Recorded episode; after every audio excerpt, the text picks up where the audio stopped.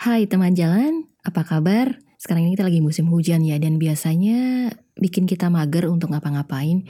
Tapi sebenarnya selama pandemi ini dari tahun lalu, kita pun sudah mengurangi aktivitas di luar juga yang biasanya musim hujan membuat kita mager untuk keluar. Sekarang apa bedanya dengan gak musim hujan? Tapi sebenarnya kita memang perlu keluar ya, walaupun itu hujan kadang-kadang kita kangen juga untuk sedikit kena air hujan di luar atau beraktivitas di luar rumah di saat musim hujan. Itu sebabnya kita juga perlu untuk traveling, ada beberapa alasan yang menyebabkan bahwa ternyata kita memang butuh untuk traveling. Saya jadi teringat suatu hari waktu saya naik komuter lain di zaman masih belum pandemi. Di dalam kereta itu saya mendengar dua orang ibu-ibu yang lagi ngobrol dan dari obrolannya saya tahu bahwa ternyata ibu-ibu ini sebenarnya sekantor dengan saya Cuma saya nyimak aja ya, karena masih dalam kereta kan gak enak juga tiba-tiba, oh kita satu kantor bu, gak enak juga. Jadi dua ibu-ibu ini sedang memasuki masa persiapan untuk pensiun. Jadi sekitar setahun lagi mereka akan pensiun. Salah satunya gelisah, aduh mau ngapain nih gue kalau nanti udah gak kerja. Temennya menyarankan, ya udah jalan-jalan aja. Nah yang satunya lagi yang galau tadi bilang, oh iya juga ya selama ini gue belum ke mana-mana nih. Selain tentu saja karena urusan pekerjaan. Jadi ternyata kalau dipikir-pikir, memang sebenarnya bukan ibu-ibu ini aja sih ya, karena saya juga menemukan beberapa rekan kantor yang baru jalan-jalan bahkan ke luar negeri di usia pensiunnya. Padahal tentu saja bukan mereka nggak punya uang untuk melaksanakan hal itu. Tapi memang dulu ketika kita masih sekolah, ada kalanya kita punya waktu, kita punya tenaga, tapi nggak punya uang buat jalan-jalan. Ya karena uang masih minta sama orang tua. Kita masih financially disupport sama orang tua. Nah, ketika kita udah kerja, kita punya tenaga. Di awal-awal kita masih muda, kita masih bisa kuat untuk jalan-jalan, untuk masih bisa menggendong backpack ataupun menggeret koper ke mana-mana. Kita juga punya uang, tapi sering kali kita nggak punya waktu untuk melaksanakannya. Cuma ya jangan sampai nunggu, ada satu masa di mana mungkin ya nggak pengen itu terjadi juga, walaupun kita nantinya mungkin sudah memasuki usia pensiun, tapi nggak pengen juga terjadi ada satu masa ketika kita kita punya uang, kita punya waktu, dan ternyata kita nggak punya tenaga untuk melihat indahnya dunia.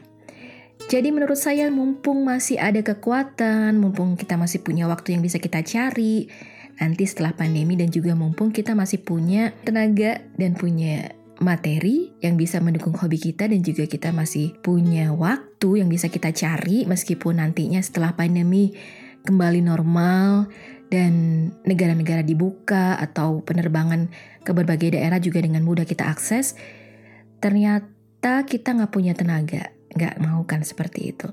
Tapi kalau kita masih punya ketiga hal itu yang bisa kita cari di mana selanya, mendingan kita traveling deh. Nah sebenarnya kenapa sih kita perlu sesekali untuk keluar dari zona nyaman, yaitu zona yang sehari-hari kita ada sekarang ini, mungkin dari kantor, ke rumah, lingkungan.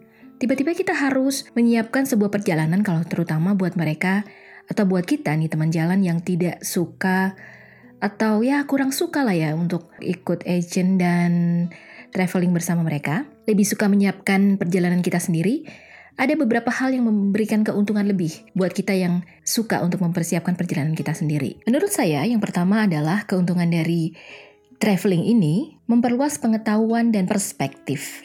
Jadi, kita punya pengalaman baru, kita mengunjungi tempat-tempat baru, mengenal budaya baru, yang semula kita mungkin berada pada satu adat budaya saja, pada satu budaya bisa jadi bukan hanya budaya bangsa sebagai bangsa Indonesia, tapi ada budaya yang lebih kecil lagi, yaitu budaya yang melekat pada kita karena kita dibesarkan mungkin secara kesukuan masing-masing, dan lebih kecil lagi adalah budaya di rumah, budaya di kantor, budaya dengan teman-teman sepermainan kita. Kalau kita keluar dari zona itu, maka kita akan mendapat hal baru. Oh, ternyata orang di luar sana, di luar lingkungan kita, di luar zona nyaman kita, seperti ini. Dan bukan berarti hidup seperti mereka itu tidak nyaman, karena bisa jadi akan menjadi pilihan hidup kita juga nantinya. Kemudian juga memperluas perspektif, karena tentu saja selama ini mungkin kita hanya melihat sesuatu dari perspektif lingkungan kita, atau bahkan lebih kecil lagi perspektif kita sendiri, tapi begitu kita ngobrol sama orang lain, kita akan melihat ternyata ada sudut pandang lain yang kita nggak tahu bahwa orang-orang yang dibesarkan dari budaya yang berbeda itu punya sudut pandang juga yang berbeda dari kita dan kita bisa ambil yang baiknya. Kayaknya yang perlu kita perbaikin yang mana? Kita bisa ambil dari perspektif orang lain juga. Yang kedua adalah keuntungan di traveling itu untuk kesehatan fisik, mental, dan spiritual. Karena sebenarnya kalau kita traveling sendiri ini ya, nggak pakai agent tour, kita akan lebih banyak menggunakan public transportation karena lebih murah. Jadi otomatis kita akan sering berjalan kaki, kita akan sering berolahraga tanpa kita berniat, mau nggak mau, dan kita lebih banyak minum, ya semoga sih minumnya air putih ya, jadi makin sehat, dan fisik kita makin kuat. Biasanya kalau saya mengurangi berat badan juga kalau habis traveling yang cukup lama gitu seminggu ke atas itu biasanya agak berkurang juga beratnya ya lumayan lah sekilo dua kilo. Lalu mental kita, mental kita akan biasa untuk menjadi lebih kuat karena tentu saja kita akan berada jauh dari rumah, berada jauh dari orang-orang yang selama ini membuat dunia kita nyaman kalau terjadi hal-hal yang di luar kebiasaan kita, atau butuh sebuah keputusan, atau yang membuat kita harus memecahkannya sendiri, mau nggak mau, kita harus memecahkannya sendiri, kita harus mencari jalan keluar dengan lebih cepat, karena ada waktu di sana, ada tempat di sana yang juga beda jauh dengan apa yang kita jalani di zona aman kita sebelumnya. Secara spiritual, kalaupun misalnya nggak religius-religius amat, tapi mau nggak mau kita ada pada satu titik di mana kita dekat dengan Tuhan at least nih ya, kalau misalnya kita mau ngambil keputusan, ya kita tinggal baca bismillah deh, semoga benar keputusan ini. Karena kita memang nggak tahu apa yang akan terjadi di depan. Dan kita semakin percaya bahwa ada banyak hal yang tidak bisa dikendalikan oleh manusia meskipun kita sudah membuat sebuah perencanaan dengan detil, tapi ternyata Tuhan berkehendak lain. Dan hal-hal seperti ini bisa membuat kita meningkatkan spiritualitas kita, percaya bahwa manusia tuh cuma bisa berencana loh. Tapi bukan berarti kamu nggak bikin rencana, karena kita nggak pernah tahu apa yang terjadi di depan, rencana harus disiapin dengan baik-baik, meskipun kita juga harus siap dengan segala hasilnya. Itu mungkin sebabnya kita belajar di situ untuk lebih sabar, lebih ikhlas, lebih memahami bahwa oke, okay, gue sudah berusaha dengan keras, hasilnya adalah di luar kehendak gue sendiri karena itu adalah kehendak Tuhan, sesuatu yang tidak bisa kita kendalikan. Kemudian juga secara spiritual kita terhadap sekitar kita, terutama terhadap keluarga, akan menjadi meningkat. Kita akan menjadi family person. Kita akan teringat dengan kehangatan di rumah. Kalau kita lagi jalan jauh, kita juga akan merasakan rasanya kangen rumah. Dan menyadari bahwa ketika kita pulang kembali ke rumah, itu adalah sesuatu yang sangat berharga. Bukan sesuatu yang we take it for granted, tapi adalah sesuatu yang memang menjadi sebuah berkah yang perlu kita jaga karena masing-masing keluarga punya problem sendiri, tapi at the end tempat pulang adalah keluarga. Sama kayak kita traveling jauh-jauh juga, yang kita kangenin pengen pulang adalah rumah, keluarga, dan kamar sendiri. Yang ketiga adalah mood booster. Kenapa? Karena setiap kali habis selesai traveling, walaupun di sana mungkin kayaknya berat gitu kan, terus ngerasa kayak, aduh, gue rasanya capek banget nih jalan kayak gini. Tapi percaya deh, teman jalan. Begitu balik lagi kepada rutinitas, kita kayak menjadi semacam orang yang sangat bersemangat karena kita sudah dapat suntikan vitamin. Vitamin yang gak terlihat ini memberikan rasa kepercayaan diri yang tinggi, membuat kita yakin bahwa setiap masalah pasti ada jalannya. Seperti masalah-masalah yang kita temui selama traveling itu, entah tiba-tiba kita macet di jalan dan harus buru-buru ke ke bandara atau tiba-tiba kita tidak mendapatkan makanan yang kita mau dan ternyata kita lapar banget dan harus bagaimana atau tiba-tiba pernah misalnya saya tiba-tiba hotelnya cancelled tanpa saya mengcancelnya dan itu harus kita urus dulu bagaimana caranya ke provider dari penginapan itu hal-hal kayak gitu yang sering kali terjadi di luar di luar rencana kita tapi dengan kesiapan mental kemudian dengan kepala dingin kita cari jalan dengan cepat dan itu menumbuhkan kepercayaan diri kita bahwa segala sesuatu itu pasti ada jalannya. Akan kita bawa juga kepercayaan diri itu waktu kembali ke zona nyaman kita dan ke kegiatan kita sehari-hari. Jadi traveling itu bisa menjadi rutinitas, membuat kita lebih bersemangat dalam dalam menjalani rutinitas itu tadi. Yang keempat adalah kenapa kita perlu traveling? Karena menambah network dan membuka peluang. Sadar atau enggak nih ya, ketika kita bertemu dengan orang baru, Walaupun mungkin kita tidak akan bercerita dengan detil siapa diri kita atau pekerjaan kita hanya sekedar kita ngobrolin hal-hal yang umum yang ternyata kita nyambung, lalu bertukar email atau nomor WhatsApp bisa juga. Tapi kalau saya untuk orang-orang yang sangat asing atau saya ngerasa tidak terlalu nyaman dan mereka ingin bertukar hal yang personal, mungkin saya hanya akan memberikan alamat email aja. Nah setelah itu baru baru bisa ditindaklanjutin apakah bisa menjadi kenalan yang baik, lalu bahkan menjadi teman. Jadi saya pun pernah mendapat pengalaman dari hal ini. Saya mendapat kenalan baru, saya mendapat network baru yang bisa ngobrol untuk project-project yang baru.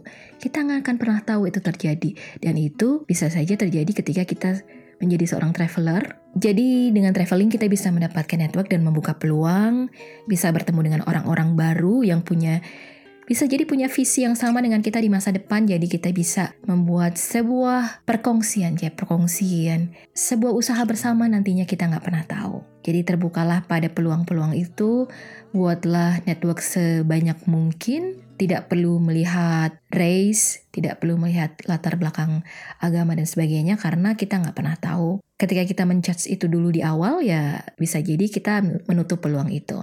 Yang terpenting adalah kita percaya juga sama insting kita bahwa orang yang kita ajak bicara itu orang baik, obrolannya juga nyambung, ya sudah, tambah saja sebagai network kita. Kemudian, keuntungan dari traveling sendiri adalah meningkatkan kemampuan kita untuk beradaptasi. Dulu saya nggak bisa nih ya, untuk tidur tuh dengan orang asing rame-rame gitu nggak bisa. Saya juga sering kali merasa tidak nyaman untuk tidur di tempat umum seperti di dalam bis, di pesawat, dan sebagainya. Tapi dengan traveling ini, Terutama saya juga cukup sering sekali untuk nginep di dormitory yang sekamar ada banyak orang. Makin lama saya bisa beradaptasi juga dengan hal-hal itu. Saya lebih mudah ber beradaptasi dengan tempat baru. Saya bisa percaya pada diri saya sendiri bahwa saya mudah beradaptasi setelah saya menjalani berbagai pengalaman ketika traveling. Misalnya juga betapa orang Indonesia dulunya susah untuk bersih-bersih diri ke toilet tanpa air tapi ada caranya sendiri kalau kita traveling di sebuah negara yang toiletnya tidak ada pembasuhnya, ya itu nanti kita cari jalannya pasti akan ketemu. Nah hal-hal seperti itu, sesimpel itu juga. Kemudian soal makanan juga, lalu soal ngobrol sama orang. Dulu kadang-kadang saya juga dengan orang asing yang baru orang bukan orang orang asing dalam arti orang bukan sebangsa setanah air ya, tapi orang asing adalah orang yang baru, baru benar-benar kita temui lalu kita harus diajak bicara maupun ngajak bicara supaya lebih enak suasananya.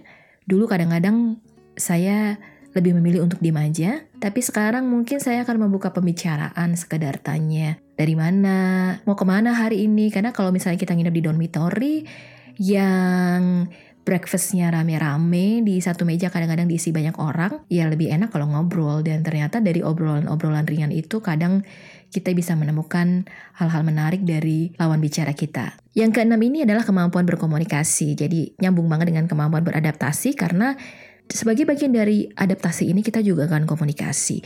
Komunikasi sebenarnya bukan cuma sekedar kita deliver pikiran kita ya, tapi bagaimana kita mampu membuat orang untuk memahami persepsi kita. Jadi mau nggak mau nih atau sengaja nggak sengaja sebenarnya kita sedang membentuk persepsi orang terhadap kita, terutama sekali bahwa persepsi orang ini akan terbentuk untuk melihat kalau kita ketemunya dengan orang dari negara lain ya persepsi mereka akan terbentuk dengan kamu dari daerah mana atau kamu dari negara mana. Persepsi itu yang terbentuk. Jadi kalau kita punya kemampuan berkomunikasi yang lebih baik, maka kita bisa membentuk persepsi positif kepada orang yang sedang berbicara kepada kita. Kan jadinya kalau misalnya kita mewakili negara kita nih ya, traveling itu kalau keluar negeri kita mewakili negara kita, kita mewakili Indonesia karena orang akan membentuk persepsi di mereka oh orang Indonesia tuh kayak gini ternyata padahal mereka mungkin sebenarnya baru ketemu beberapa aja termasuk kita di antaranya tapi karena komunikasi kita yang bagus karena cara kita membentuk persepsi mereka untuk menjadi positif dengan Indonesia, jadi berita-berita yang mereka dengar di media terkadang sudah tidak valid lagi gitu. Mereka akan lebih percaya dengan orang yang mereka temui langsung, ngobrol langsung, dan menyimpulkan bahwa ternyata selama ini media menggambarkan Indonesia dari sisi negatifnya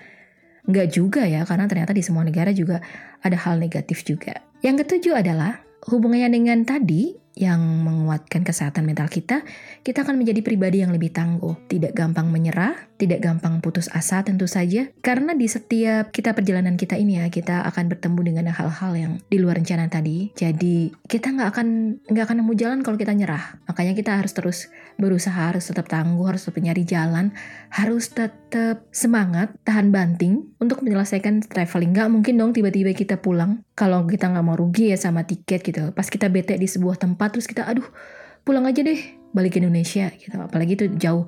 Atau pulang aja deh balik ke rumah kita lagi di daerah timur sana gitu. Karena ya kecuali kita mau keluar lagi ongkos untuk tiket gitu.